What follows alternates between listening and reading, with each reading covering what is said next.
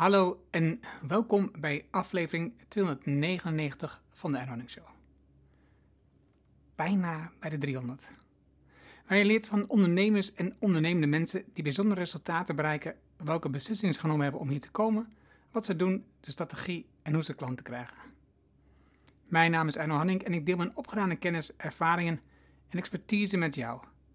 Ik coach ondernemers zodat ze stap voor stap de juiste beslissing nemen om uiteindelijk een gezonde groeimotor te creëren, zodat de onderneming vanzelf loopt. Hiervoor gebruik ik mijn ervaring met meer dan duizend klanten die met exact dezelfde uitdagingen zitten. Vandaag het gesprek met Gijsbert Koren. Gijsbert noemt zichzelf Fairpreneur. Zijn missie is om onze economie en maatschappij eerlijker te maken. Vanaf 2009 was Gijsbert aanjager van de opkomst en ontwikkeling van crowdfunding in Nederland. Nu zet hij zich in om steward ownership in Nederland op de kaart te zetten. Met Gijsbert ga ik terug naar de start van zijn ondernemerschap tijdens zijn studie, waar ze de eerste opzet hebben ontworpen voor Uber.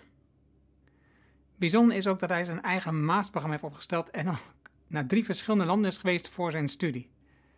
Voor zijn eerste bedrijf hebben ze financiering nodig en ze bedenken dat hun fans waarschijnlijk wel willen helpen hierbij. Hieruit ontstaat het idee voor crowdfunding en het eerste zakelijke Nederlandse crowdfunding-platform. Met deze ervaring starten ze een nieuw bedrijf dat bedrijven helpt om crowdfunding te organiseren, waaronder voor Fairphone. En in de verschillende projecten komt Gijs met een klant tegen, de Triodos Bank, die het eigenaarschap van het bedrijf heeft geregeld met steward ownership. Sindsdien werkt hij eraan om steward ownership bekend te maken in Nederland en bedrijven daarbij te helpen. We hebben het uitgebreid over steward ownership en hoe het werkt, de voordelen, de nadelen en de verschillende mogelijkheden. Ik heb enorm veel geleerd en realiseer me dat steward ownership heel aantrekkelijk is voor ondernemers. Overigens heb ik hem ook nog gevraagd hoe het lukt om zo vaak in de media te komen. Luister daarom nu naar de inzichten van Gijsbert. Laten we beginnen. Welkom in de Erno Hamming Show. De podcast waarin je leert over de beslissingen om te groeien als ondernemer met je bedrijf. Luister naar de persoonlijke verhalen van succesvolle ondernemers en ondernemende mensen. Dan nu, jouw business coach, Erno Hamming. Welkom in een nieuwe podcastaflevering. En dit keer spreek ik met Gijsbert Koren. Gijsbert, welkom in de podcast. Dankjewel, leuk Erno. Ja, hebben elkaar. Ik, ik volg je al een tijdje.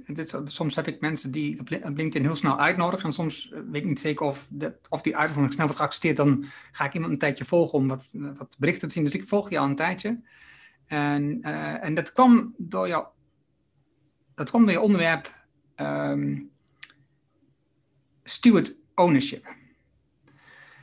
Ik heb daar ondertussen nu een paar keer al van gehoord en ook met een aantal mensen al wat over gesproken. En ik, ik denk, de eerste keer dat ik, dat ik echt mee bezig ging, was naar aanleiding van, uh, we hadden over tegenlicht, hoe, hoe, gaaf ik dat, die documentaires vind, van een tegenlicht-uitzending over uh, goed verdienen. Dat is volgens mij de titel van die aflevering. Ik zal, ik zal in de show notes opnemen. En daar kwam, op een aantal momenten kwam um, een andere vorm van eigenaarschap naar voren. He, dus dat je op een andere manier omgaat met... Um, de winst van je bedrijf. En daarop volgend had ik dus een gesprek gehad met een van die gasten in het programma. Um, dan ben ik natuurlijk nu haar naam kwijt. Was het, dat was Melanie waarschijnlijk, of ja, niet? precies. Melanie Rebeck. Ja. En, um, ja, en, dus, en zo kwam steeds weer... Want zij had niet de stewardship ownership gebruikt. Ze had een ander model op dat moment. Ja. En, maar steeds weer kwam steward ownership naar voren. En, ja, en als je in Nederland kijkt naar steward ownership... volgens mij ben jij dan de persoon in Nederland die zich bezig met steward ownership? Of heb ik het mis? Ja, nou, ik ben er inderdaad een tijdje mee zoet. Tweeënhalf jaar geleden liep ik er tegenaan. Um, de afgelopen tien jaar heb ik ondernemers geholpen met crowdfunding. En bij een van die ondernemers, bij een van mijn klanten, liep ik tegen steward ownership aan. En toen dacht ik, wow, uh, verantwoord eigenaarschap is eigenlijk veel essentiëler. Het is een soort fundament onder je bedrijf, weet je wel. Um, en hoe mooi je missie ook is als uh, bestuurder van een bedrijf, uiteindelijk zijn het de eigenaren die bepalen wat er met een bedrijf gebeurt. Um, dus je moet zorgen dat het op het niveau van eigendom goed zit, weet je wel. En dan kan je als bedrijf ook echt zeggen van ja, voor ons staat impact voorop, weet je wel. Ehm, dus toen ik er tegenaan liep, dacht ik van wow, dit moet, eh, dit moet een ding worden in Nederland. en eh, toen ja, daar, ben ik daar zoveel mogelijk tijd in gaan steken. En vanuit We Are Stewards zijn we met een klein clubje bezig om nou, steward ownership op de kaart te zetten, ondernemers en anderen te helpen om, er, om ermee aan de slag te gaan. Is het, is het vergelijkbaar gegaan met crowdfunding voor jou? Dat je ook zoiets had van ah, crowdfunding, dat ben je tegenaan gelopen en dat was ook zoiets van, nou, dit moet Nederland leren kennen? Ja, bij crowdfunding was het misschien net anders, omdat ik uh, zelf voor een initiatief waar ik mee bezig was, op zoek was naar financiering. Een eigen start-up waarmee we apps ontwikkelden, mobiele apps. Uh, daar zochten we geld voor. Ehm, uh, maar een bank wilde niet investeren. En een business angel wilde ook niet meedoen. Maar we hadden wel meer dan 10.000 gebruikers van twee apps die we via de App Store verkochten. Nou, dat is inmiddels uh, eh, 12 jaar geleden zoiets. En toen dachten we, ja, wat als we die 12.000 gebruikers nou vragen of ze een klein beetje inleggen? Dan hebben we die hele bank niet nodig, dan hebben we die business angel niet nodig. Bovendien zijn dat mensen die wel enthousiast zijn, weet je wel? We hoeven hen niet te overtuigen, ze zijn al overtuigd. Uh, nou ja, dat, dat, dat is natuurlijk eigenlijk wat je met crowdfunding doet. En daar kwamen we toen ook achter dat, dat het eigenlijk al gebeurde, dat dat fenomeen al bestond. Um, in de VS en Engeland waren ze al iets verder. Um, en op een gegeven moment dacht ik toen van ja, uh, wij waren niet de enige ondernemers die geld zochten en bij de bank nee kregen. Weet je wel, de, de, de financiële crisis van 2007, 2008 was net geweest. Um, dus ja, uh, een goed idee was nul garantie voor financiering, zou je kunnen zeggen.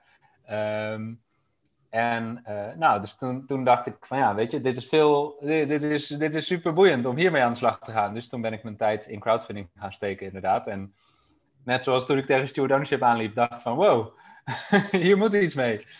Dus ja, dus zeker wel enigszins vergelijkbaar. Want met jouw app uh, uh, bedrijf, het is, het is um, Moop, mm -hmm. was, was dat het? Ja, ja Moop, ja, Moop.me. Um, daar was je al bezig met het ontwikkelen van mobiele applicaties, terwijl je nog in je studietijd zat, toch? Ja, klopt. Ja.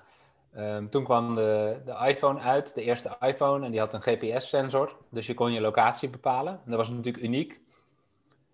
Um, en we ontwikkelden in die tijd twee apps. En de meest populaire app was een app met een alarm die op een locatie afging in plaats van op een bepaalde tijd.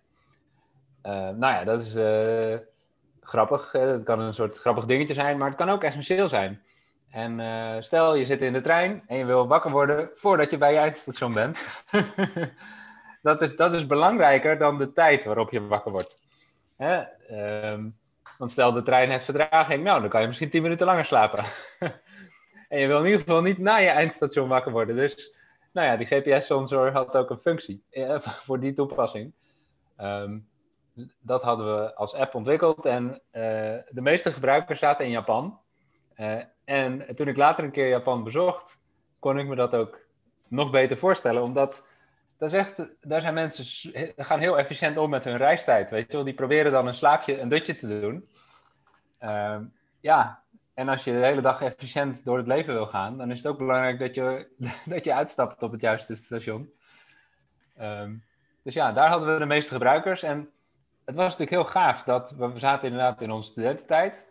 We betaalden 99 dollar. Dan had je een App Store developer account. En door dat te betalen kon je aan mensen aan de andere kant van de wereld je creaties verkopen. Dus de, de, de onwijs democratisch, weet je wel. De, ja, uh, je, ja, je kon opeens superveel klanten bereiken. Uh, inmiddels zijn er natuurlijk zoveel apps en is het, is het juist helemaal dichtgeslipt misschien qua aanbod en is het helemaal niet meer makkelijk om klanten te bereiken. Maar in de begintijd was het echt nog uh, ja, een vrij speelveld, zeg maar. Ja, en volgens mij ben je nu ook wel wat meer kwijt dan die 99 eh, dollar voor uh, alleen een okay. account. Zou kunnen, ja. Ja, het ligt een beetje aan volgens mij hoeveel je verdient met je app. Maar als je een bepaald moment, dan uh, moet je gewoon betalen voor per, per aanmelding. Dus ik, ik, ik heb discussies gezien um, met de oprichters van uh, uh, een bedrijf die, die software verkopen. En die doen het ook voor een deel via de App Store. Hmm. En, en die moet echt bedragen betalen. Dat is echt afschuwelijk. Hmm. Apple heeft daar wel een slimme truc uitgehaald, kan ik zeggen. Maar, maar dat moet.me, dat was want ik, ik zag in je omschrijving dat je de, first, de eerste concept-app had voor Uber. Ja, klopt. Uh, een van de, we waren met z'n drieën, drie middelbare schoolvrienden. En een van de drie oprichters die ging voor een, uh, een bepaalde periode in, in New York studeren. En kwam daar in aanraking met een van de oprichters van iets wat toen nog helemaal niks voorstelde, het idee Uber. Um, en die is toen met hem rond gaan rijden in taxis en is gaan kijken van hé, hoe werkt dat nou en hoe kan het efficiënter? En toen uh, uh, heeft Moe.me een aantal concept-apps ontwikkeld van nou, stel dat we die mensen gaan oproepen. Werkt dat? nou, dat, dat werkte en dat is een soort proof of concept geworden voor iets wat uiteindelijk succesvol en groot werd. Maar tegelijkertijd, en misschien komen we dan ook op mijn motivatie voor steward ownership, ook iets wat niet meer dicht bij de missie bleef. Want de originele missie van Uber was ook om taxichauffeurs in New York die uh, niet genoeg konden verdienen, doordat ze ook soms geen klanten konden vinden, een extra bron van inkomsten konden geven. Nou ja, ik hoef natuurlijk weinig woorden aan vuil te maken om te zeggen dat ze nu eigenlijk het tegenovergestelde doen. Hè? Doordat ze nu ja, taxichauffeurs een deel van hun inkomsten beroven en volledig afhankelijk hebben gemaakt in sommige gevallen van Uber. En dat zie je eigenlijk bijna altijd bij start-ups waar investeerders aan boord komen ja, dat die originele missie, die vaak best wel maatschappelijk positief bedoeld is, dat dat verwatert en dat een start-up verwordt tot een geldmachine voor de investeerders. Uh, dat is voor de ondernemers jammer, maar dat is ook voor onze maatschappij heel jammer. Ja. Um, ja, want veel ondernemers starten helemaal niet met het idee dat ze ten koste van anderen rijk gaan worden, maar gewoon met iets geniaals. En denken, wow, hiermee voeg ik waarde toe. Uh, klanten zitten hierop te wachten, de wereld zit erop te wachten. En ik kan er best wel wat aan verdienen. Uh, maar uiteindelijk, dat best wel wat aan verdienen, die investeerder zorgt dat dat op plek 1 komt. En dat het niet best wel wat wordt, maar zoveel mogelijk. Ten koste van al die andere dingen. Nou ja, dat is misschien een beetje radicaal en stellig als ik het zo formuleer. Maar dat is toch eigenlijk wat we continu zien gebeuren. Ja, ja. Daar komen we zo op terug. Want um, ik ben ook nog benieuwd, want je, bent, je hebt je studie in, in Delft gedaan. Ja. Bachelor of Science Industrial Design. En daarna ben je Integral and Sustainable Product Design and Entrepreneuring heb je gedaan. Maar dat was, dat was gewoon een studie die je zelf had bedacht. Ja, goed gezien. Ja, in, in Delft heb je inderdaad de opleiding Industrieel Ontwerpen. Uh, een bachelor van drie jaar en een master van twee jaar. En je had drie masterrichtingen in mijn tijd, misschien nog steeds. Uh, um, en de klassieke ontwerprichting had je. En je had dan een interactieontwerprichting. Nou ja, dan maak je interfaces, digitale interfaces bijvoorbeeld. En een strategische ontwerprichting. Dan bedenk je meer marketing en, en dingen eromheen, zeg maar. Nou, ik vond eigenlijk die klassieke ontwerprichting het meest boeiend. Maar ik dacht, ja, dan ga ik nog twee jaar doen wat ik al drie jaar gedaan heb. Hmm. dus ik ging naar de coördinator van de master toe. En toen zei ik van, ja, ik vind het eigenlijk heel leuk, de master. Maar ik vind een paar vakken eigenlijk niet zo boeiend. Want die heb ik al drie jaar lang gehad en vond ik niet heel leuk. Mag ik die vervangen door andere vakken? Toen was zijn eerste reactie, ja, dat moet je nooit tegen een mastercoördinator zeggen. Want die heeft die, die master bedacht. En dan zeg je dus eigenlijk dat het geen goede master is. um, maar kom maar met een voorstel. En uh, wie weet uh, keuren we het goed. dus toen heb ik... Uh, nou ja, een aantal. Dacht, weet je, ik dacht van we moeten meer gaan doen met duurzaamheid en ik wil graag ondernemend aan de slag. Dus de tijd die ik hier nog heb in Delft, de laatste twee jaar, laat ik zoveel mogelijk bij elkaar vegen van wat ik daar dan. Eh, zoveel mogelijk bij elkaar vegen om daar meer over te leren. Uh, ja, dus, en dan heb ik uiteindelijk moest dat een naampje krijgen. Nou ja, een beetje pretentieus naampje misschien, maar goed. ik vond het wel leuk dat het kon en. Uh, ja, zodoende. En, en je hebt zelfs ook het van elkaar weten te krijgen dat je nog ehm, delen van, van jouw vak hebt kunnen doen in Zweden, Tanzania en India. Ja, ja, ja. Ja, een beetje dezelfde motivatie. Dat ik dacht, ja, uh, ik voelde me ook in Delft een beetje opgesloten, weet je wel? Best wel een bubbel. Um, mensen uit een goed milieu, weet je wel? Ik kwam zelf uit Amsterdam. Um, en zat in Delft voor het eerst op een witte school. Um, dus het was voor mij best wel een soort, ja, I don't know. Na drie jaar, ik heb over mijn bachelor vier jaar gedaan trouwens, maar goed. Na, na, na, na, na vier jaar, uh, I don't know, wilde ik wel meer, meer andere dingen ook zien. Dus ik heb mijn afstudeerproject in India gedaan. Ik ben een aantal maanden naar Tanzania geweest voor een ontwerpproject. Het ontwerpen van een waterfilter. Uh, ja, dat vond ik echt uh, super boeiend, weet je wel. Als ik dan toch iets ga ontwerpen, laat ik dan met die ontwerpvakken in een andere context gaan zitten. En laat ik dan andere vakken erbij doen die heel, heel anders zijn dan mijn bachelor waren.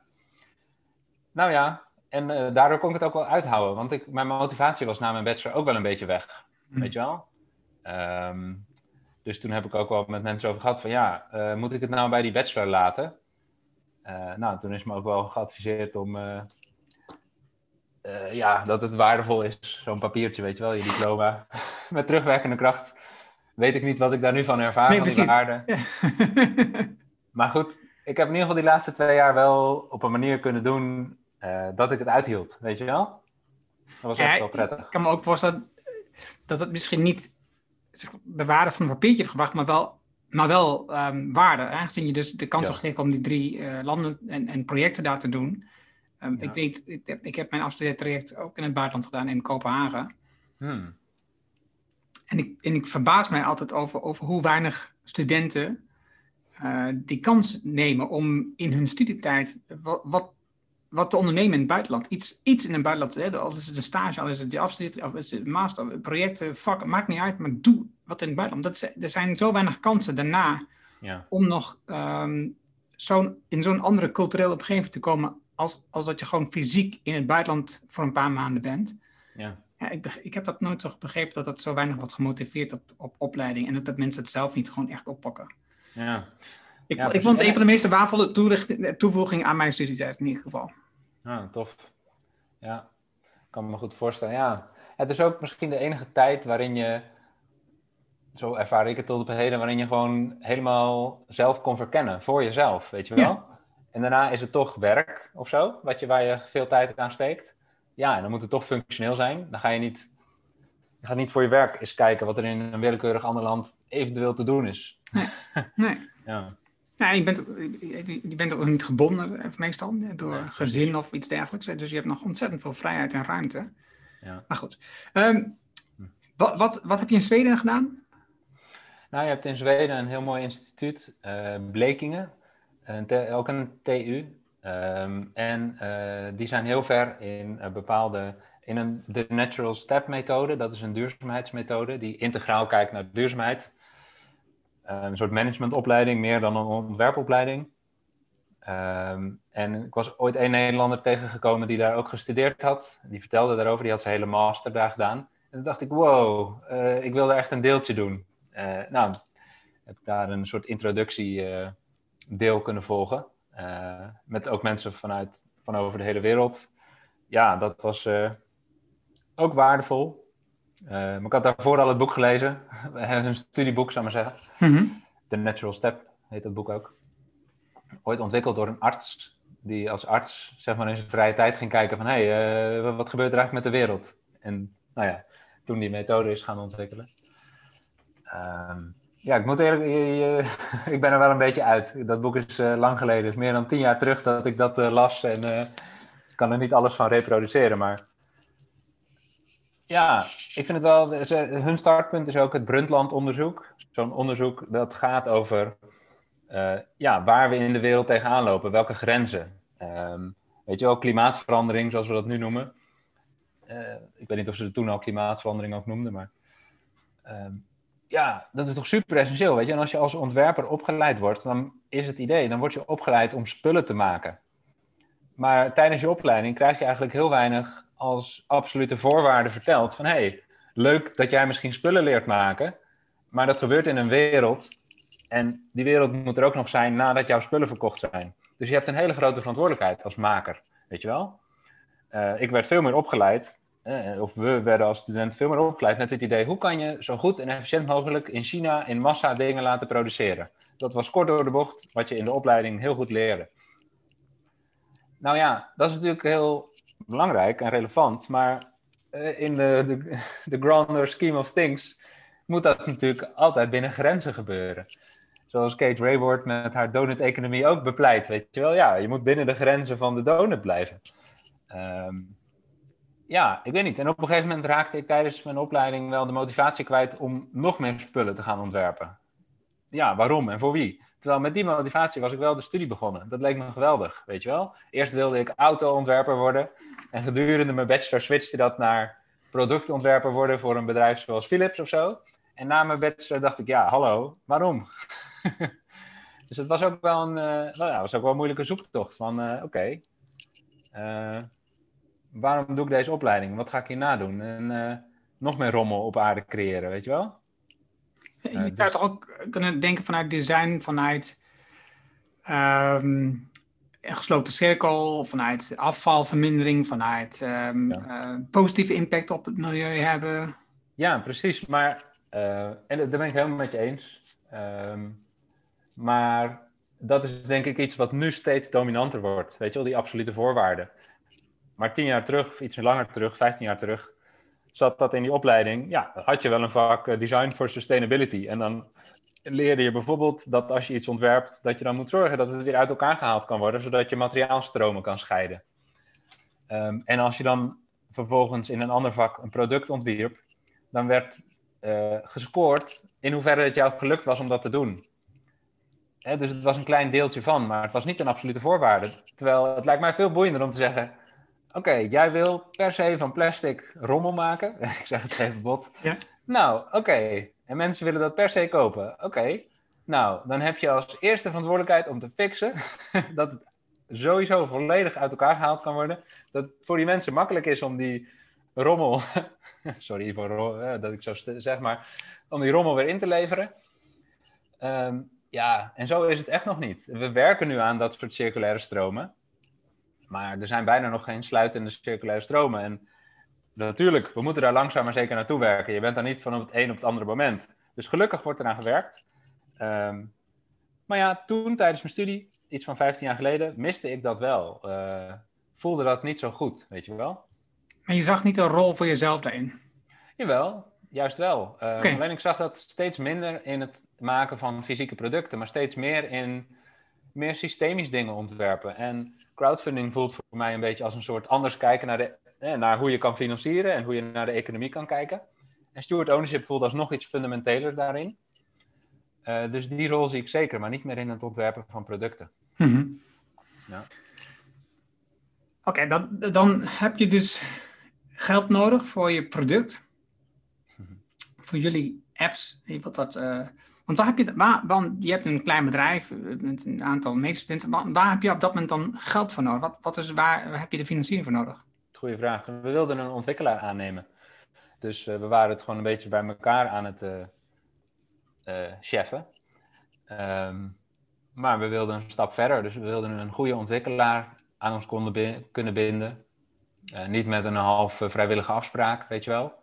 Maar gewoon, nou, we wilden een stap maken. Ja, en het was heel terecht dat die bank zei, ja, leuk en aardig allemaal. Maar hoeveel omzet hebben jullie eigenlijk? En jullie zijn gewoon drie studenten. en het was ook begrijpelijk dat een business angel zegt, nou, niet met mijn geld. Um, ja, uh, dus daar zochten we geld voor. Ja. Maar die appgebruikers die dachten, ah, dat lijkt me een fantastisch idee dat je nog meer producten maakt. Nou, uiteindelijk uh, ben ik een crowdfunding platform gestart met een, met een team, met z'n achten. Crowd About Now heet dat platform. Dat bestaat nog steeds. Um, en via dat platform zijn allerlei initiatieven gefinancierd. Uiteindelijk heeft dat appbedrijfje daar geen gebruik meer van, van gemaakt of hoeven maken. Maar het was voor mij wel de trigger om ermee aan de slag te gaan. Want het appbedrijf is op dat moment opgeheven? Nee, dat is een tijdje doorgegaan. En op een gegeven moment uh, is dat inderdaad uh, gestopt. Ik ben daar op een gegeven moment uitgestapt. Uh, ook omdat we drie vrienden waren en het behouden van de vriendschap op een gegeven moment in contrast kwam met zakelijke relatie van elkaar zijn. Um, ja, en ik vond dat, I don't know, ik vond de vriendschap voorgaan. Ja. Wat, wat gebeurde er vooral waardoor, je, waardoor de vriendschap op het spel komt te staan? Nou, als je op een gegeven moment meer geld te verdelen krijgt, maar ook de controle eh, te beleggen hebt van hey, wie regelt wat, wie is de baas. Um, ja, dat lukte ons niet per se altijd heel goed met z'n drieën.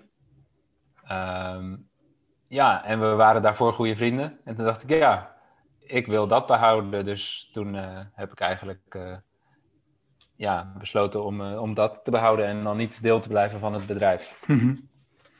Oké, en dat Crowdabout, nou, ik had er, ik had er nog nooit van gehoord. Um, het, het, was mij, niet voor, voor, mij een van de bekende crowdplatforms. Hebben nou, nou, niet echt thuis in crowdfunding, dus dat scheelt. Um, maar het was het eerste Nederlandse crowdfunding platform voor ondernemers. Dus daar zit een verschil. Je hebt natuurlijk veel crowdfunding platform voor creatieve uh, producten. Ja. Kunst heb ik dan wat.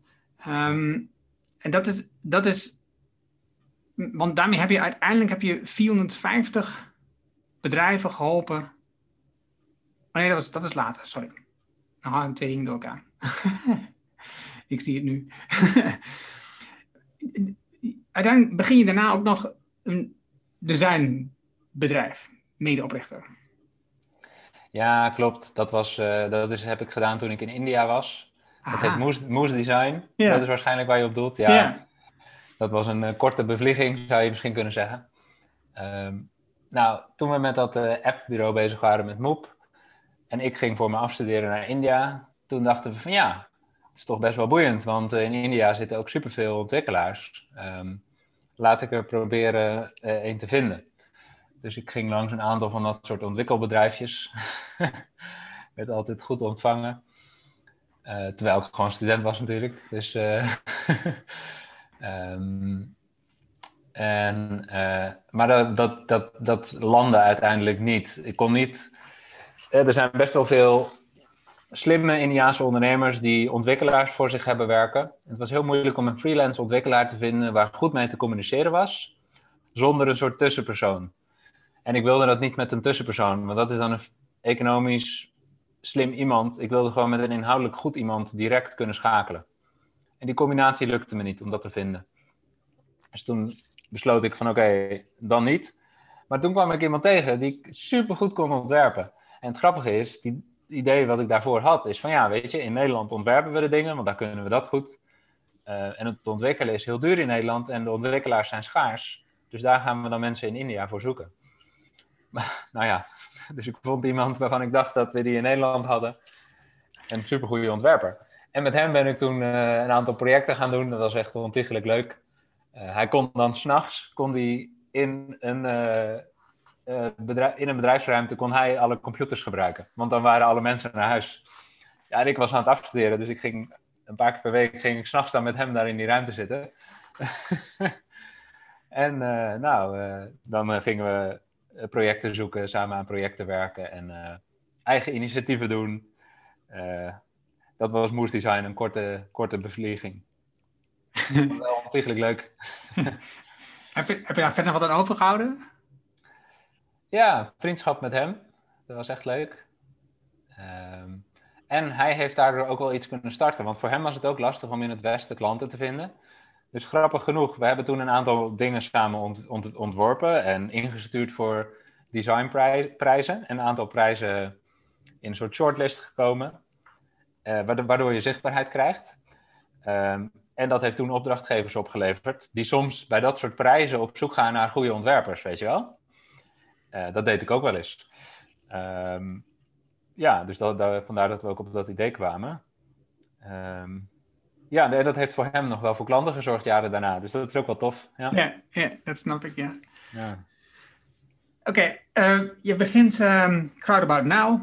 Ja. En uiteindelijk stap je daar in 2011 uit. Of tenminste, je begint dan uh, en Koren. Ja, klopt. Is er is dat, is, was Crowdabout nou, was, was dat voldoende ervaring om te zeggen, oké, ik stop mee en ik, ik ga die kennis gebruiken om anderen te helpen om crowdfunding op te zetten? Ja, goed punt. Um, nou, weet je, uh, we starten Crowdabout Now ook vanuit dat idee van, hé, hey, er moet hier iets mee met dat crowdfunding. Weet je wel, ondernemers om ons heen krijgen geen financiering. Ik had daar zelf dus ervaring mee. En dit kon een oplossing worden. En toen het platform er eenmaal was en we eerste klanten hadden, merkten we ook door de type financiering die we faciliteerden, leningen, hè, daar was het platform op ingericht, dat er ook veel potentiële klanten waren die crowdfunding goed konden gebruiken en daar enthousiast over werden, maar die dat niet via een lening konden doen. Ehm, dus. Want?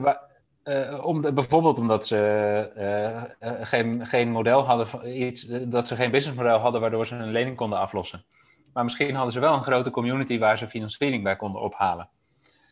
Dus er kwam bijvoorbeeld een grote Nederlandse voetbalclub naar ons toe en die zei: Ja, we zitten nu met een financiële uitdaging, maar we hebben ontiegelijk veel supporters die bij willen dragen. En we horen over dat crowdfunding, kunnen we daar niet iets mee? Nou ja, en binnen Crowdabout nou paste dat niet echt. Um, dus dat was een paar keer uh, op niets uitgelopen, zo'n verkenning.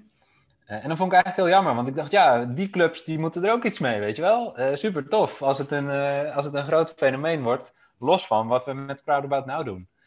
maar het was dus heel moeilijk om dat binnen Crowdabout nou ja, op te pakken, zeg maar. Dus Simon Douw en ik zijn daar toen, beide waren we mede-oprichters van Crowdabout Now zijn toen op een gegeven moment hebben we de knoop doorgehakt van hé, hey, eigenlijk ligt ons het beste om mensen mee te nemen in die beweging. Om hun netwerk te activeren om, en om te gaan crowdfunden. En dat was wat ook wat we in de begintijd van Crowdabout Now, waar we onze energie in staken. Hè, bij de klanten die we hadden. Uh, maar we wilden dat graag wat breder kunnen doen. Um, ja, dus toen uh, zijn we met Douw en Koren gestart. Ja, om eigenlijk los van een platform te kijken naar, oké, uh, je wil iets met crowdfunding, te gek. Welk platform past er dan bij en hoe kan je dat gaan doen? Want er, er gingen meer platforms van start. Dus uh, het hoefde ook niet allemaal per se via Crowdabout Now. Dus daarom paste het beter om daar iets uh, nieuws voor te starten. Maar het was gek om dan ook nog bij Crowdabout Now te blijven. Want dan zouden we een incentive hebben, weet je wel, om toch mensen naar Crowdabout Now door te verwijzen. En dat wilden we eigenlijk voorkomen. We wilden echt onafhankelijk kunnen zijn. Dus dan hebben we de rigoureuze keuze gemaakt om ja, toch vrij snel weer daaruit te stappen en uh, helemaal onafhankelijk te worden. Dus als ik het goed begrijp, Crowdabout Now, is, net als de meeste platformen, is, is er Nee, dat is niet water. dat wou ik niet zeggen. Is gewoon, Crowdabout Now was wat over um, een lening. Dus je, je leent geld van de crowd mhm. om uiteindelijk dat terug te betalen. En er kwamen mensen bij jullie die niet een lening wilden, maar die gewoon geld wilden ophalen van hun fans. Om dat te gebruiken en verbruiken en niet terug te betalen. Precies, dus het is dan eigenlijk gewoon een donatie. En misschien staat er helemaal niks tegenover. In sommige gevallen past dat heel goed. Bij een goed doel past dat heel goed. Um, maar in sommige gevallen kan er misschien een ticket voor een voetbalwedstrijd tegenover staan. Weet je wel? Dus een lening past bij heel veel ondernemers natuurlijk wel, maar niet bij per se bij elke organisatie.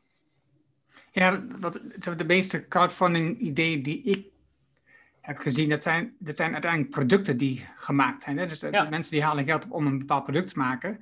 En, die, en eigenlijk voorfinancieren ze het product met de crowd. Hè? Dus, dus, dus ze betalen dan niet de lening terug, maar ze, ze betalen in natura met hun product terug. Ja, precies. Is dat, is dat ook de meest voorkomende crowdfunding ja, goeie. Nou, ik denk dat inderdaad dat op een gegeven moment de meest populaire vorm werd. Uh, maar inmiddels is het uh, zo dat het meeste geld, meer dan 80% van het geld wat met crowdfunding wordt opgehaald, is in de vorm van een lening. Um, het grootste aantal crowdfunding campagnes echter uh, zijn donatiecampagnes voor goede doelen of soms privé-initiatieven of iemand die in geldnood zit die een crowdfunding platform gebruikt om gewoon donaties op te halen. Maar die haalt gemiddeld, halen dat soort campagnes veel minder geld op. dat is ook geefgeld in plaats van investeringsgeld. Dus hele andere bedragen. Uh, dus om die reden uh, wordt, gaat het meeste geld naar leningen. Want daar is natuurlijk, de afspraak is heel duidelijk. Je, krijg, je, je legt iets in en je krijgt dat met rente terug als het goed gaat.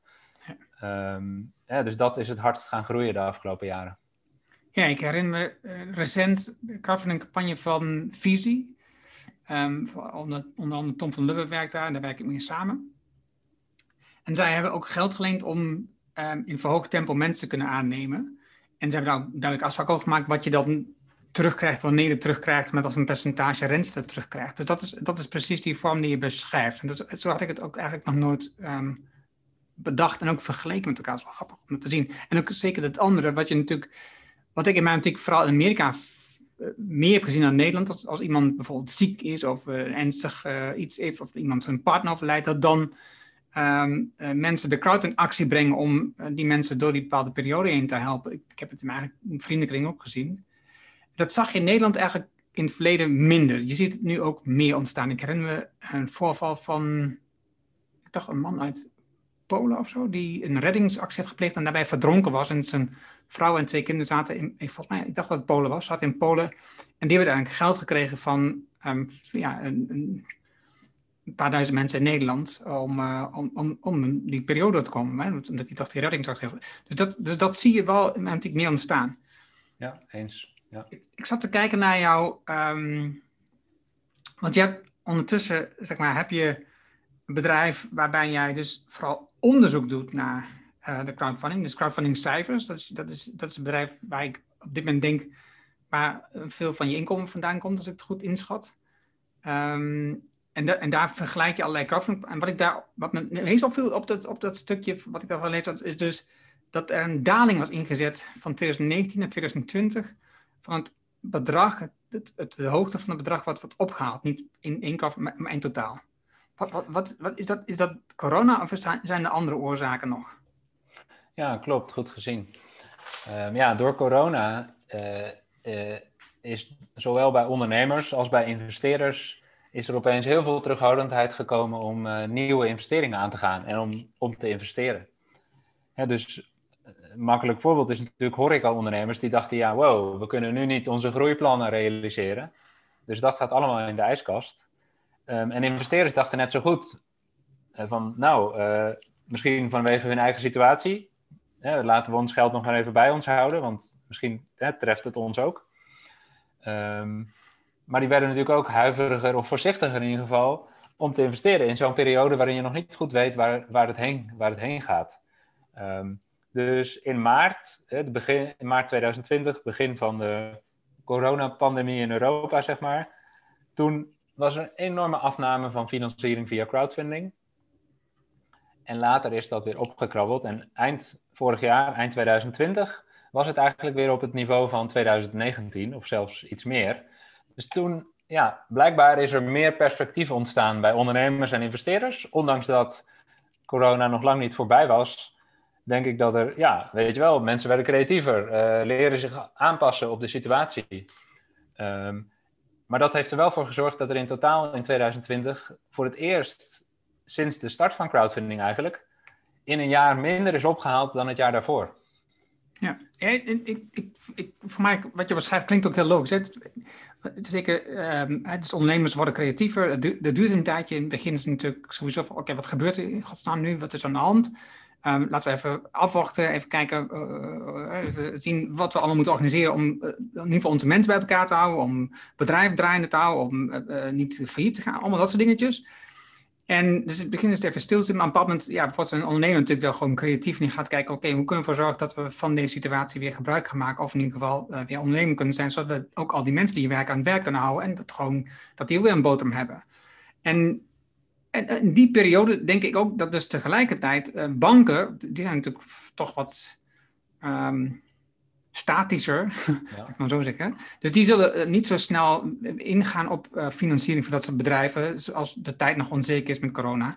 En dus dan, lijkt, dan klinkt het ook heel logisch voor mij dat je zegt, nou, dan is crowdfunding misschien wel een goede optie ja. om onze ideeën te verwezenlijken. Ja.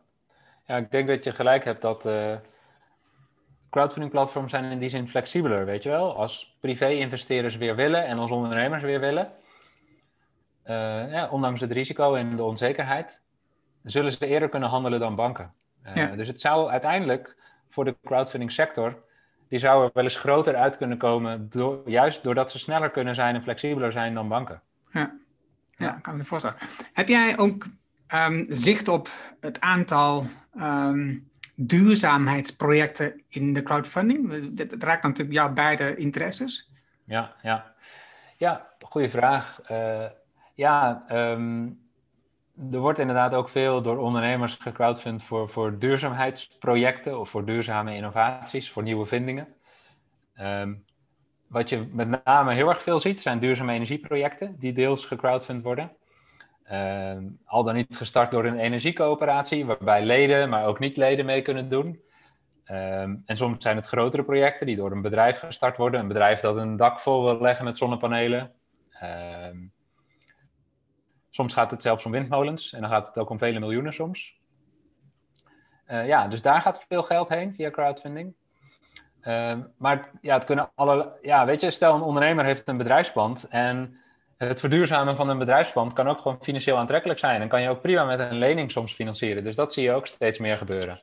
Ehm, of bijvoorbeeld, uh, soms gaat het zelfs om een heel groot project of om meerdere gebouwen waar uh, verlichting door LED-verlichting vervangen wordt, weet je wel. Uh, maar het kan ook gaan om hele innovatieve dingen. Um, bijvoorbeeld waar ik aan moet denken is zeepje. Um, ja, die maken zeep en wasmiddelen van natuurlijke ingrediënten. Nou, die hebben een aantal keer gebruik gemaakt van crowdfunding, waarbij mensen die enthousiast zijn over wat ze doen, weet je wel, geld in konden leggen.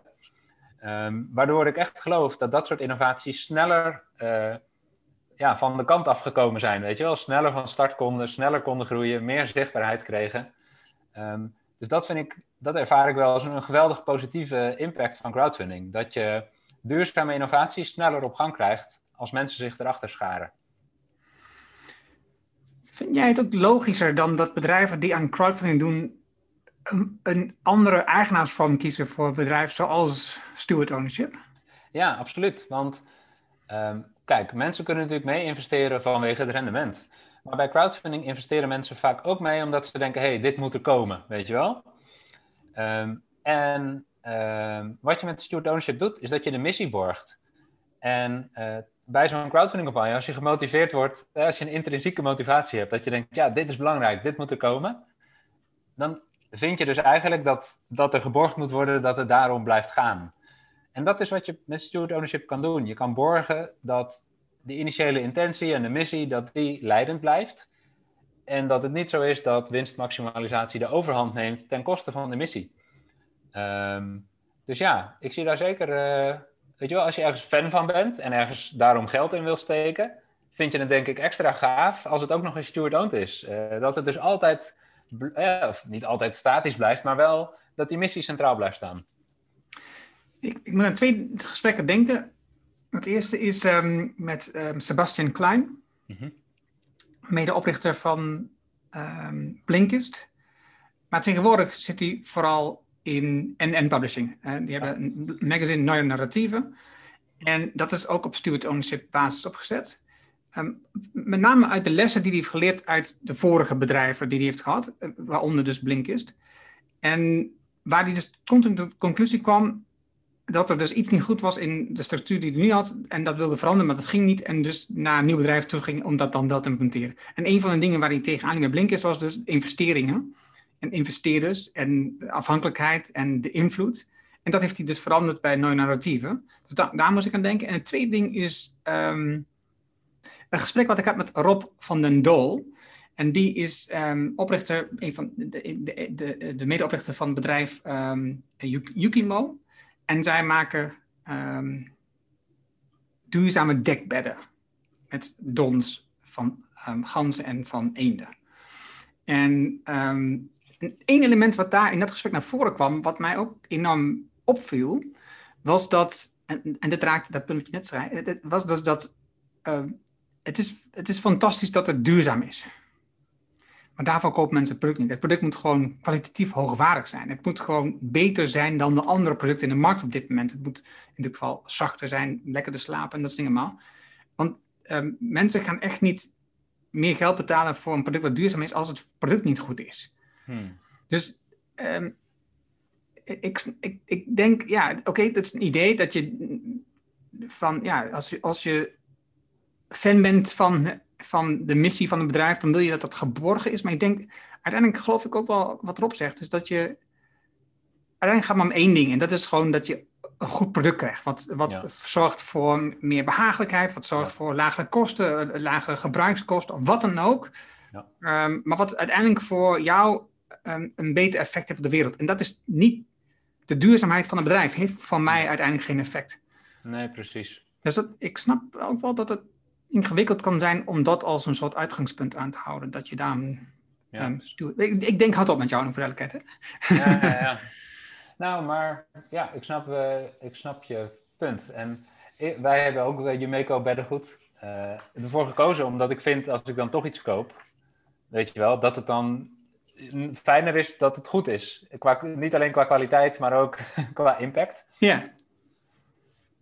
Um, ja, ik, vond, ik vind het ook. Ik, ik, dacht, ik dacht voor het gesprek met altijd van: oké, dus dit, als je dit inbrengt in je communicatie, dat is hmm. gewoon een fantastisch pluspunt waarom mensen je product willen komen. Maar ja, ja.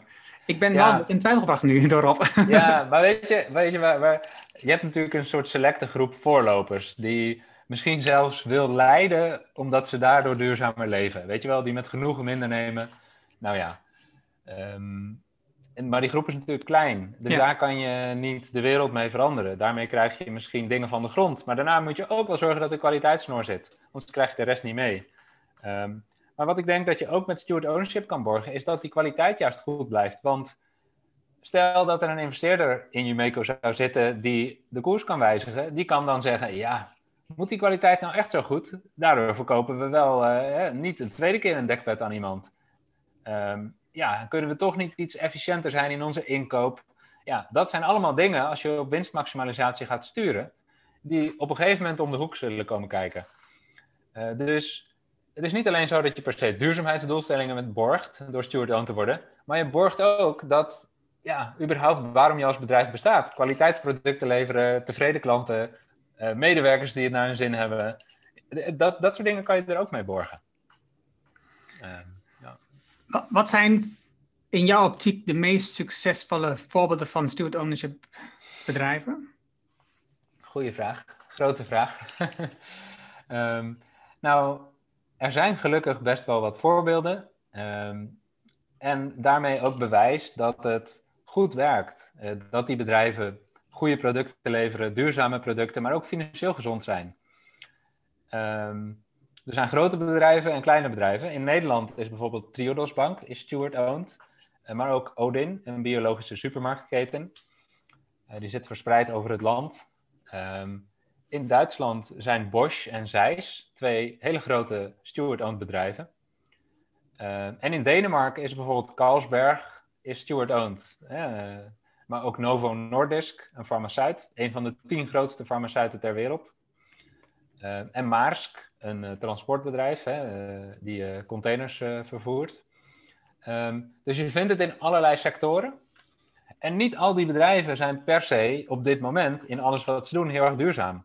Maar wat ze wel allemaal als gemeen hebben, als gemene deler hebben, um, is dat een aandeelhouder niet kan speculeren door de koers te wijzigen. En bijvoorbeeld het bedrijf vol te laden met uh, leningen, efficiënter te maken en er daarna weer met speculatiewinst uit te stappen, waarna het bedrijf er minder goed voor staat. De gezondheid van het bedrijf staat centraal. En omdat dat zo is, gaat een bedrijf op de lange termijn denken. Want ja, dan is het niet belangrijk dat er over een, over een jaar winst uitkomt. Dan is het belangrijk dat je over 10 en over 20 jaar relevant bent als bedrijf en dat je kan bestaan. En als je weet dat duurzaamheid relevanter wordt, dan ga je daar natuurlijk op acteren. Want ja, dan ga je voorsorteren op dat, je, dat je als bedrijf duurzamer wordt. Um, nou ja, uh, dus uh, en, en, specifiek als het gaat over bier, nu we het toch over bier hebben, um, vind ik wel mooi om te zien hoe verschillende biermerken op de coronacrisis hebben gereageerd. Bij Heineken vonden de aandeelhouders dat de winstmarge te laag werd. Let wel, er was nog winst, maar ze vonden de marge te laag worden. Dus zijn ze personeel gaan ontslaan. Uh, uh, uh, bij familiebrouwers Winkels hebben ze besloten om dat niet te doen.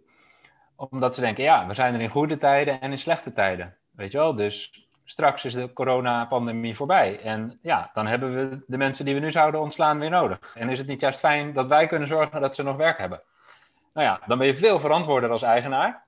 Dan denk je niet, ik ontsla ze en de maatschappij lost het maar op met uitkeringen. Bovendien, voor die personen is het natuurlijk ook verschrikkelijk dat ze gewoon een cijfertje zijn voor een aandeelhouder. Um, uh, maar Carlsberg, die heeft miljoenen gedoneerd um, uh, aan projecten die iets doen rond de coronapandemie. en dat vind ik nog een stap verder, weet je wel? Dat je je, je maatschappelijke verantwoordelijkheid neemt door het bedrijf gezond te houden. Ehm, maar ook zelfs bijdraagt aan, aan ja, het aanpakken van deze crisis. Ehm, ja, dus verantwoord eigenaarschap, dat is waar het om gaat, weet je wel, voor de lange termijn. En, ik had het volgens met jou over gehad. In de boekenkaart lezen we veel boeken die te maken hebben met Rijnlands denken, de Rijnlandse organisatiestructuur. En bij de eerste twee zie je duidelijk een verschil tussen een Anglo-Saxisch model. Um, aandeelhouderswaarde is belangrijk. De winst is het enige wat van belang is voor de aandeelhouder. Is allemaal ondergeschikt aan. Ja. En de andere is het Rijnlands model, waarbij je zegt: nee, wacht even. We hebben professionals in dienst Ehm, en die hebben we opgeleid, hebben geld aan besteed. En als wij ze straks nodig hebben, moeten we ook weer aannemen, moeten we mensen opnieuw opleiden. Dat kost ook allemaal geld. We gaan die mensen gewoon behouden. En, en, het is een familiebedrijf, dat, is, dat telt ook al mee. Dat, zie, dat is ook super duidelijk in, in het Rijnlandse stuk. er zitten heel veel familiebedrijven die, die veel meer denken over generaties. Hè? Dus een, een Anglo-Saxisch bedrijf denkt in kwartalen. En een familiebedrijf denkt in generaties. Want die denken, na mij komt niet de zonvloed, na mij komt een nieuwe generatie. Ja. En um, en het stuwen ownership, wat, wat ik daar zo bijzonder aan vind, is dat je dus eigenlijk hetzelfde doet. Dat je kijkt naar generaties, maar niet je eigen generatie. En dus niet je eigen familie, dat je die niet voorop stelt. Want dat is toch een soort, um, ja, soms uh, uh, ja, overdracht van een bedrijf van iemand die minder geïnteresseerd is. Of iemand die het verkwanselt. Of um, dat het daarmee het kapitaal in een familie blijft en dat je daardoor nog steeds de, die, de afstand hebt die we nu normaal aan het creëren zijn in, in vermogen binnen, uh, binnen Nederland alleen al. Dus arm en rijk, dat gat wordt steeds groter. Hmm. En je, nee, je zorgt ervoor dat dus het bedrijf blijft bestaan als, zijnde, als een bedrijf, als een entiteit. En dat, dat daarmee ook de winst in dat bedrijf blijft. Ja. Tenzij het um, uh, aan een, uh, een, stichting of uh, wat dat zie je bij Carlsberg bijvoorbeeld, zij, zij zijn, en dat zie je ook bij, bij Bosch, dat op daar zag dat ook enorm. Zij sponsoren bijvoorbeeld um, ja, kennis, opleidingen, vakmanschap, maar ook gewoon kunst, wat vaak in geïnvesteerd en zo. Dus, maar niet, de, de, de, winst wordt niet eruit gehaald. Dat staat, dat staat in ieder geval boven alles. Ja. En, en het grappige, ik moet ook ik ken het, ik heb dat al eens een keer gezegd. Voor mij zou het wel eens doorslaggevend kunnen zijn. Ik heb altijd moeite gehad met um, belachelijk veel winsten. En dus voor mezelf heb ik, voor mijn eigen mezelf altijd klein gehouden, omdat ik daar niet naartoe wilde groeien, omdat ik niet dat wilde. En dus ik had altijd voor mezelf van, ik had een, ik had een, een, eh, een dak zeg maar bedacht, waar, tot, tot hoe ik maximaal wilde gaan. Mensen lachten mij over uit, omdat dat belachelijk is, dat idee. Maar voor mij is dit zo'n, en dat heb ik ook uh, tegen andere mensen gezegd die met dit soort concepten bezig zijn. Voor mij is dit een soort redding. Dat is niet, het gaat niet over de winst die ik als mens uithaal. Het gaat over dat je bedrijf laat groeien om wel met je product of je dienst of dan ook impact te bereiken. En dat kun je laten groeien hmm. zonder dat je zelf um, exponentieel rijker wordt. Ja, ja, ja. Ja, mooi. Nee, in, in het vorige gesprekje, zeg maar, via, via LinkedIn, in onze berichtjes heb ik daar ook over gehad. Hè. Dus, dus hmm. ik, het, het, lastige wat ik hier nu in vind, ik ben op dit moment een eenmansbedrijf. Mm um, maar ik zag ook in jouw um, teksten op je website dat terugkomen. Dat het een soort bescherming zou kunnen vormen voor jezelf. Ja. Als je je bedrijf op deze manier inricht. En dat, dat is waar ik mee bezig ben. Hoe kan ik nou als een klein ondernemer Mm want ik wil ook in generaties denken. Ik wil dat het idee van dat je bedrijven helpt om een positieve impact te hebben op de, op, op de planeet. Dat hebben, we nog, dat hebben we nog decennia nodig. Um, dat wil ik voortzetten, ook als ik morgen kom te overlijden. Ja. Dus, dus daar moet ik natuurlijk mensen opleiden, moet ik dingen organiseren. Maar hoe kan ik nou al van tevoren misschien nadenken over hoe kan ik mijn bedrijf zo inrichten dat dat geen probleem gaat vormen, dat, dat, dat ik het niet meer overzie en bepaald toch geld nodig heb uit dat bedrijf of iets dergelijks. heb, je daar, heb je daar een idee voor? ja, goeie. Nou, misschien heb je het zelf net al enigszins benoemd. Uh, hè, misschien terug naar de vergelijking. Bij, bij Heineken gaat de overdracht van eigendom gaat via geld. Uh, bij de familie Swinkels, waar Bavaria onder andere onder valt, gaat het via bloed, hè, via een bloedband. Um, en bij Carlsberg gaat het via een missieband. Uh, hè, dus is geld de overdrachtsbepalende factor? Is familie dat? Of is missie dat? Um, en um, bij steward-owned bedrijven is de missie dat. Mensen die zich in de missie herkennen en die missie verder willen dragen. die nemen eigenlijk het bedrijf over zonder dat ze een zak geld mee hoeven nemen, zonder dat ze familie hoeven zijn. Dus je hebt ook keuze uit in principe een veel grotere groep. En je kan misschien iemand kiezen die beter past bij wat je zelf ja, uh, bedoeld hebt of wat goed is voor het bedrijf.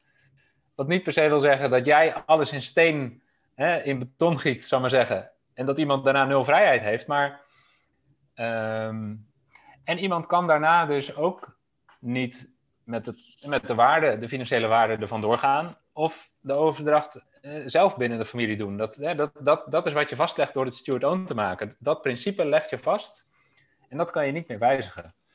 Uh, dus het is ook een nou, spannende, onomkeerbare actie, zou ik maar zeggen. Ja.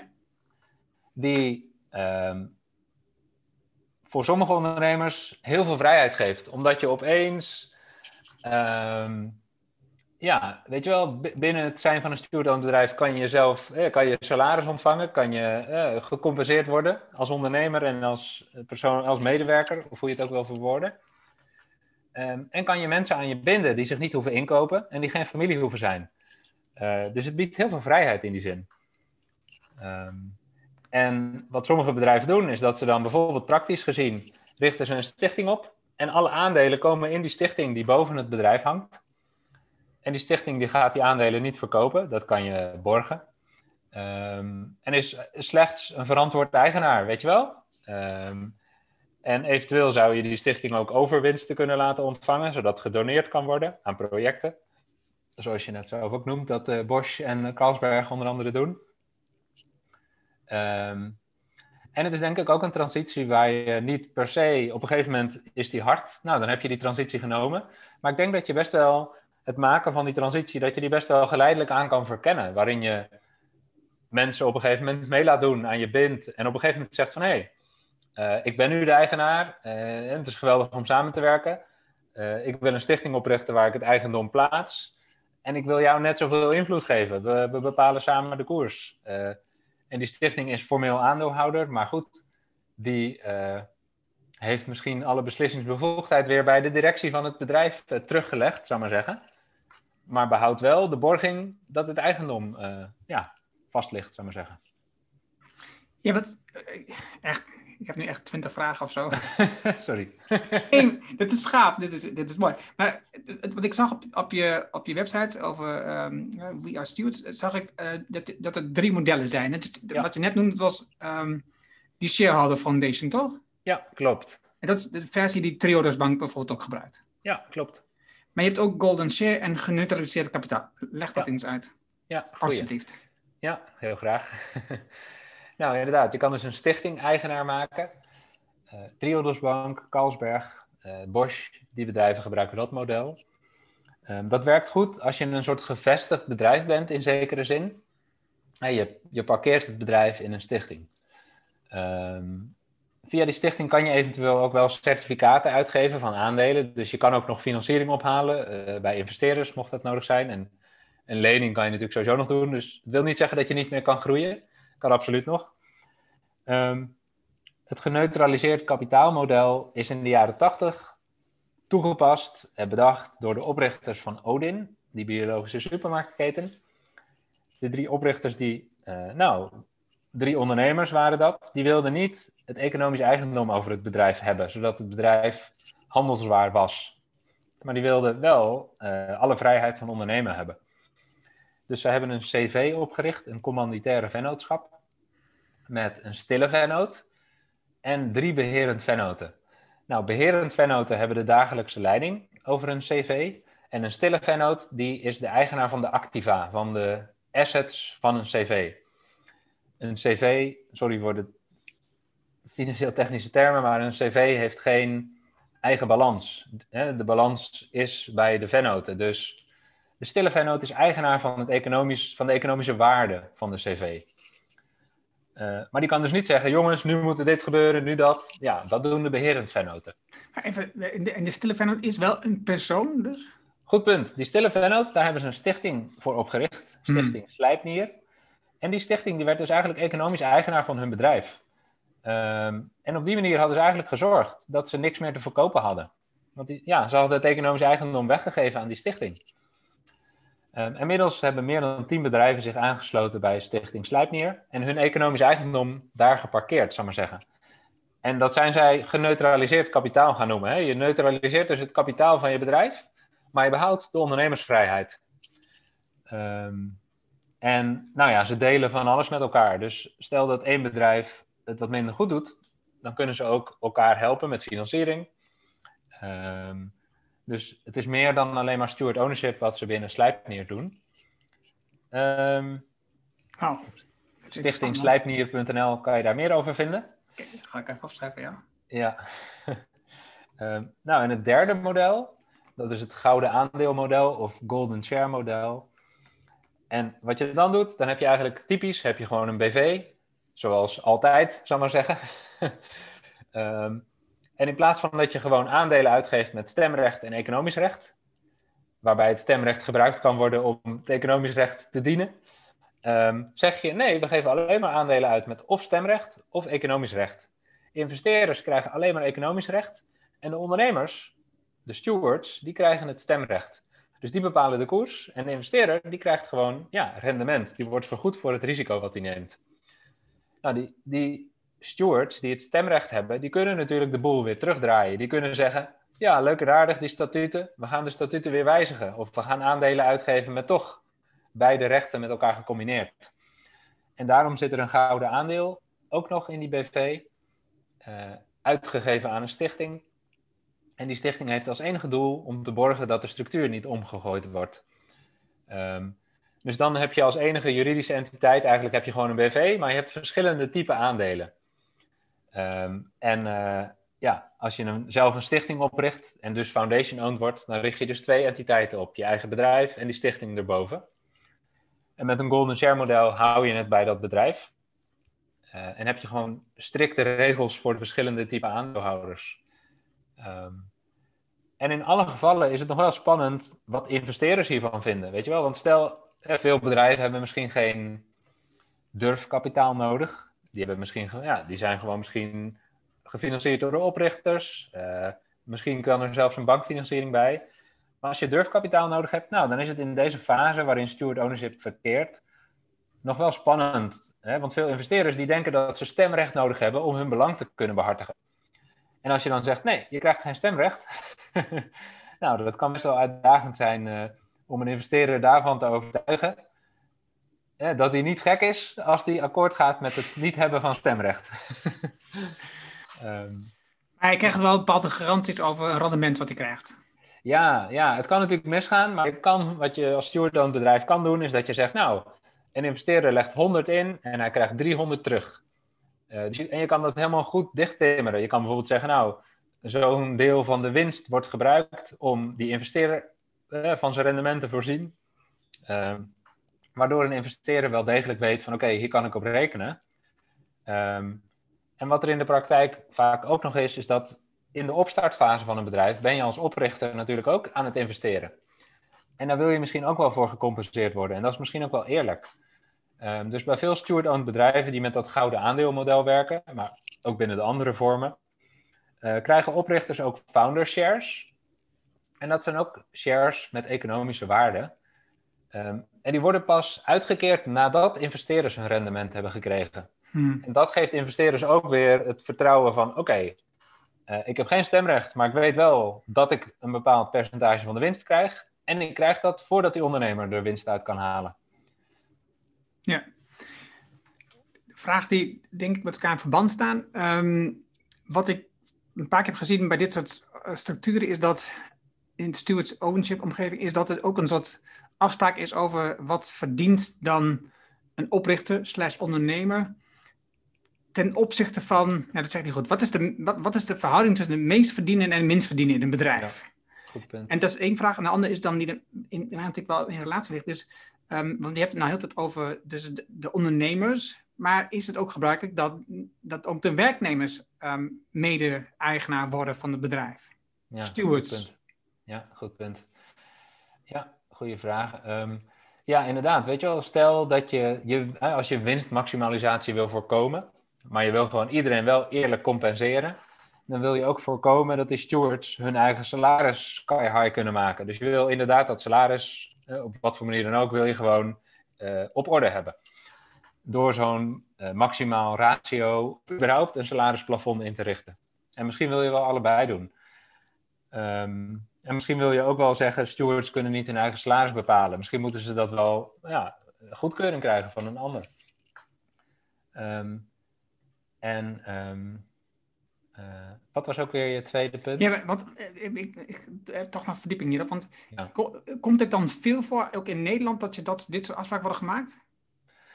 Um, ja, steward bedrijven hebben eigenlijk altijd zo'n afspraak. Als, je dit, als je dit niet doet, dan heb je misschien wel uh, de aandelen. En voorkom je dat er winstmaximalisatie via aandelen gaat ten koste van de missie. Maar creëer je een, een incentive om dat op een andere manier dan toch te gaan doen. Hè, dus sterker nog, je wil ook voorkomen dat iemand zichzelf via een omweg duur in kan huren. Je wil voorkomen dat iemand iets uit de onderneming kan verkopen, waardoor de onderneming uitgehold wordt, weet je wel. Dus je wil eigenlijk voorkomen, en dat is natuurlijk niet per se het leukste deel, maar je wil gewoon voorkomen van oké, dat bedrijf moet niet financieel uitgekleed kunnen worden. Dat is niet wat we willen. Oké, dan gaan we al die uitgangen netjes afdichten. En daarna kunnen we doen wat we willen doen. Ja. Uh, ja. En die tweede vraag um, uh, was. Uh, wacht ik heb nog een verdiepingsvraag. Is, wat, is, wat is vaak de verhouding die je daarbij hebt? Tussen minst en meest? Goeie vraag. Ja, ja, ja. Het verschilt sterk per bedrijf. Um, het kan, uh, ja, je ziet vaak 1 op 10 langskomen, maar soms is het 1 op 3 of 1 op 1,5. Dus dan is het extreem gelijkwaardig. Um, bij Beter Boeken, een, uh, bedrijf dat vorig jaar steward-owned is geworden, uh, die hebben ervoor gekozen om, uh, ja, om 1 op 10 als maximale verhouding vast te leggen. Ja, dat is nog wel redelijk aantal. maar goed, ja, het hangt denk ik ook van het het, lijkt natuurlijk nog totaal niet op wat er gebruikelijk is, dat je 1 op 400 hebt met een CEO of iets dergelijks. Nee, precies. Precies, ja. Inderdaad. Oké, die andere vraag die ik had, die was, is het dan ook gebruikelijk dat je medewerkers ook stewards maakt in je oh, bedrijf? Ja, goed. Nou, um, een steward-owned bedrijf kan heel hiërarchisch georganiseerd zijn of heel eh, zelfsturend zijn, of, uh, of hoe je dat ook wil noemen. Um, dus dat verschilt denk ik ook per bedrijfscultuur of per manier waarop een bedrijf nu georganiseerd is. En het kan allemaal. Um, hè, uh, bij Bosch werken meer dan 400.000 mensen. Ja, dat is een beetje lastig. Ja. um, en uh, ja, het, het, verschilt dus heel erg per bedrijf.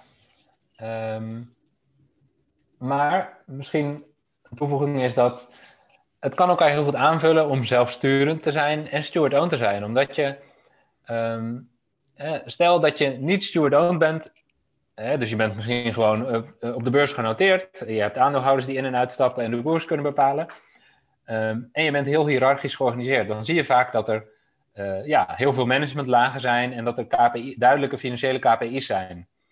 En dat is eigenlijk een directe vertaling van wat die aandeelhouder wil met dat bedrijf, weet je wel?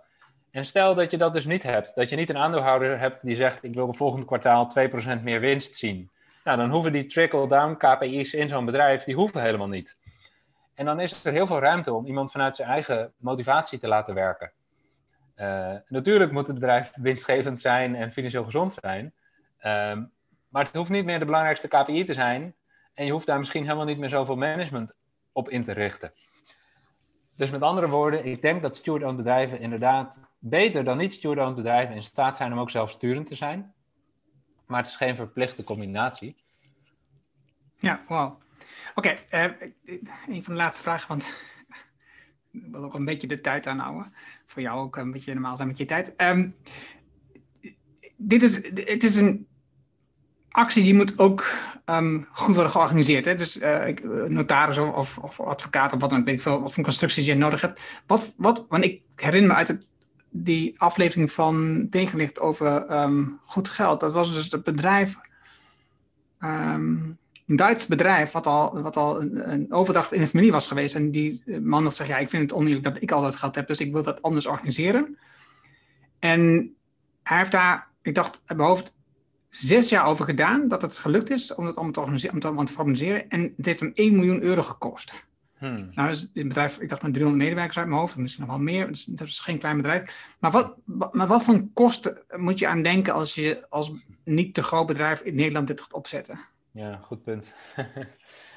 ja, ik denk eh, dat, eh, nou, bij Bosch is het, eh, is het verhaal dat daar een team van 20 adviseurs 10 jaar lang bezig is geweest om de steward ownership structuur uit te werken.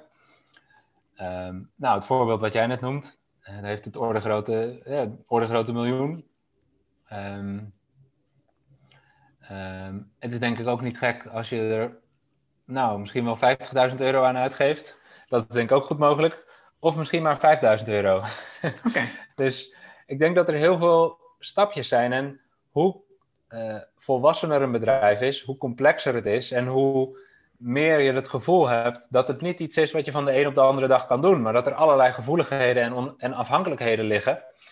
Wil je denk ik daar een veel gedegener iets van doen. En hoe meer je een pionier bent, hoe duurder het is. Weet je wel? Hmm. Eh, of door je eigen tijd, of doordat je iemand inhuurt. Ehm, dus, nou, misschien, het kan voor 5000 euro, of misschien zelfs minder. Eh, maar laten we dat zeggen, 5000 euro kan je het goed uitgewerkt hebben. Ehm, maar ja, hoe meer stakeholders je hebt, stel dat je met investeerders aan de slag gaat. Ja, dan gaat het je niet voor 5000 euro lukken. Reken maar dan op dat het tien keer zo duur zal zijn. Eh, want ja, die gaan alle, hè, dat kost gewoon heel veel tijd om dat met stakeholders uit te werken. Ja, en als je dan een zoveelste generatie familiebedrijf bent, ja, dan snap ik dat het weer een tienvoudige daarvan is. Dat je gewoon een paar jaar lang mensen over de vloer hebt die het verkennen, die, die opties uitwerken, die dan ook nog eens eh, de fiscale impact gaan analyseren. Eh, ja, eh, dat is het nadeel van eh, dat dit nog steeds pionieren is, ondanks Ja. dat er bedrijven zijn die dit al decennia doen. Ehm, Ja, dus mijn conclusie is, je kan, het, je kan dit beter, als je, zeker als je als ondernemer een positieve impact wilt maken met je bedrijf, kun je het beter zo snel mogelijk organiseren, zo vroeg mogelijk organiseren. ja, de heel goede conclusie. Ja, zo min mogelijk stakeholders, zo snel mogelijk. Ja. Absoluut. Ehm, je hebt een boek geschreven rondom crowdfunding, ehm, een tijdje geleden al. Ga je nu een boek schrijven over steward ownership? ja, goed punt. Dat zijn we inderdaad aan het doen. Ja. ik weet het niet, hè. ik weet het niet. Dit is niet opgezet, jongens. Ehm, nou, weet je, eh, wij hebben nu dit gesprek, hè, en daarin, jij hebt je al enigszins verdiept in steward ownership. Eh, je hebt mensen gesproken die hun bedrijf zo ingericht daar interesse in hebben. En, eh, dus voor jou is dit niet raar. En eh, het sluit ook aan, eh, weet je wel, bij hoe jij als ondernemer in je bedrijf staat. Ehm, maar we komen ook heel veel ondernemers tegen die denken van, ja, verdorie, dat is steward ownership. Misschien klopt dat wel. Misschien is dat wel veel eerlijker. Misschien is het wel logisch dat je als aandeelhouder en eigenaar niet ten koste van het bedrijf en de wereld kan doen en laten wat je wil. Maar ja, ik hoor om me heen allemaal andere dingen. En wie doet dit eigenlijk? Ik zie niemand dit doen. Nou ja, wat ik wil zeggen, we willen eigenlijk tien ondernemersverhalen optekenen, tien biografieën. Waarmee we ondernemers een, een soort van kijkje kunnen geven in de overwegingen van tien ondernemers voor, die dit al gedaan hebben. Zodat, het, zodat je je misschien minder gek voelt. Cool. zodat je denkt van, hé, hey, ik ben net zoals deze, weet je wel. en eh, ja, inderdaad. En misschien krijg ik wel een paar rare vragen. En misschien moet ik opnieuw definiëren wat succesvol ondernemen is. Als dat niet is eh, een Porsche kopen, maar een mooi bedrijf achterlaten. Oké, is dat tof om dat te vertellen aan anderen? Oké, Eh, en misschien wel allebei trouwens, hè? misschien wel en een Porsche kopen. Maar ehm, ja, dus we willen gewoon een ander verhaal van succesvol ondernemen neerzetten door die tien biografieën. Ja, dus daar werken we aan. Mooi. Wanneer komt het boek uit? Verwacht je? Ja, we hopen dit jaar. Oké, oké. Het is een mooi vooruitzicht. Oké, ik, ik heb nog één vraag die echt bij me brandt. En ehm, wat me opvalt, en, en- en ondernemers luisteren, hè, dus daarom, dus, eh, da- daarom staat deze vraag.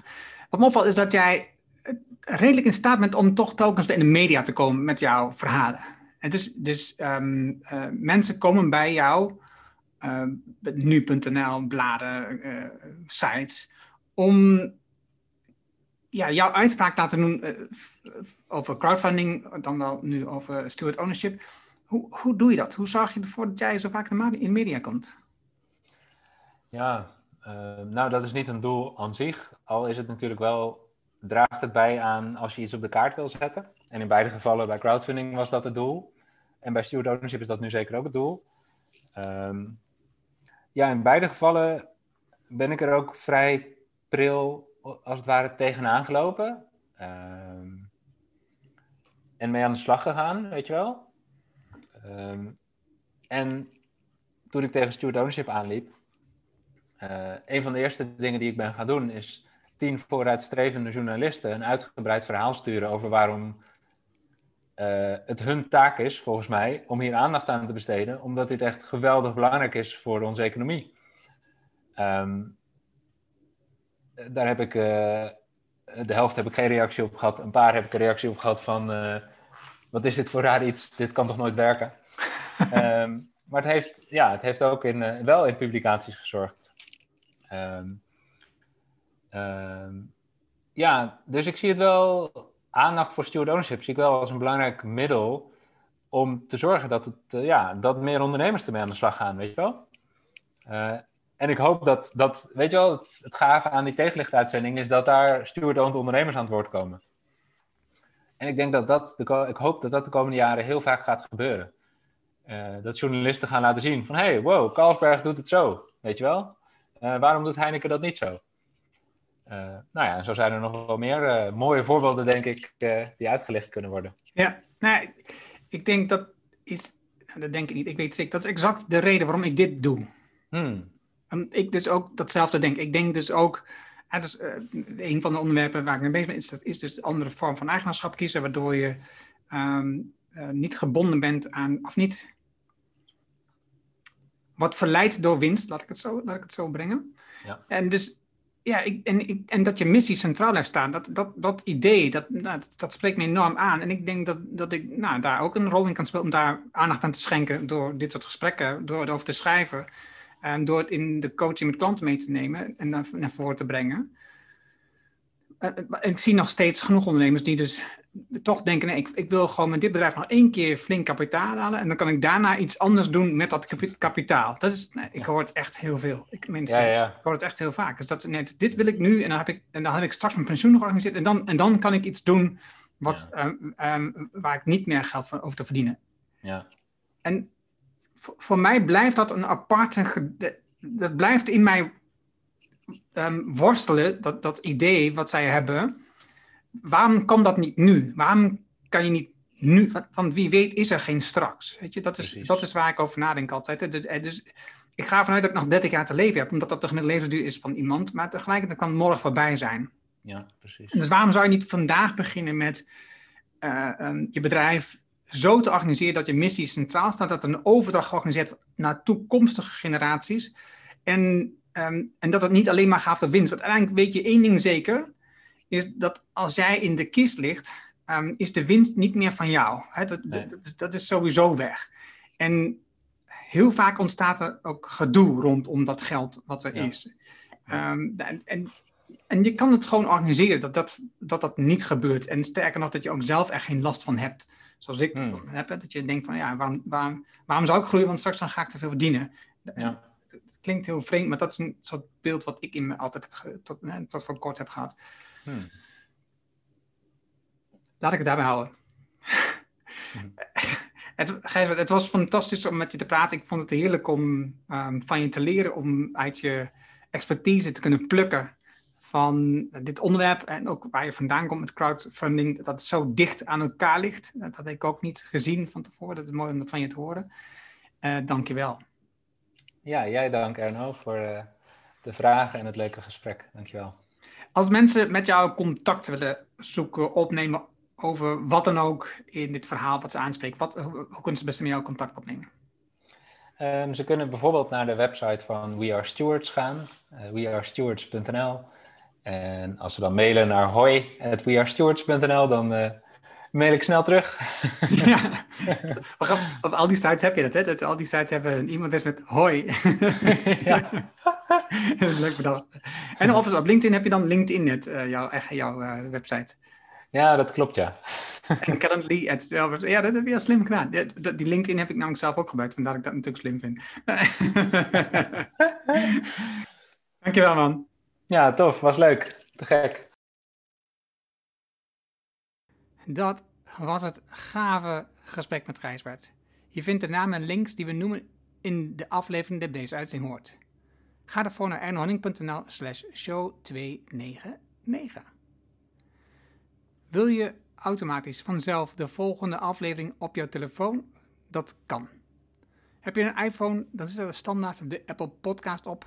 Dat is heel eenvoudig. Die open je, zoek de Hernohanning Show op en klik op abonneer. Heb je een Android-telefoon? Ook eenvoudig. Installeer dan eerst bijvoorbeeld de Player FM app. Zoek de Hernohanning Show op en klik op abonneer. Dankjewel alvast. Heb je vragen, opmerkingen, reacties over deze aflevering met Gijsbert of over de podcast in het algemeen?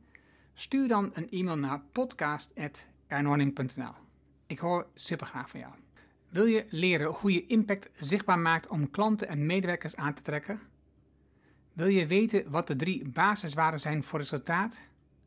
Hoe je meer resultaat krijgt door minder te doen? En wil je de 7 tips leren om goed nee te zeggen? Vraag dan het boek Beter Beslissingen voor meer impact aan op ernhorning.nl.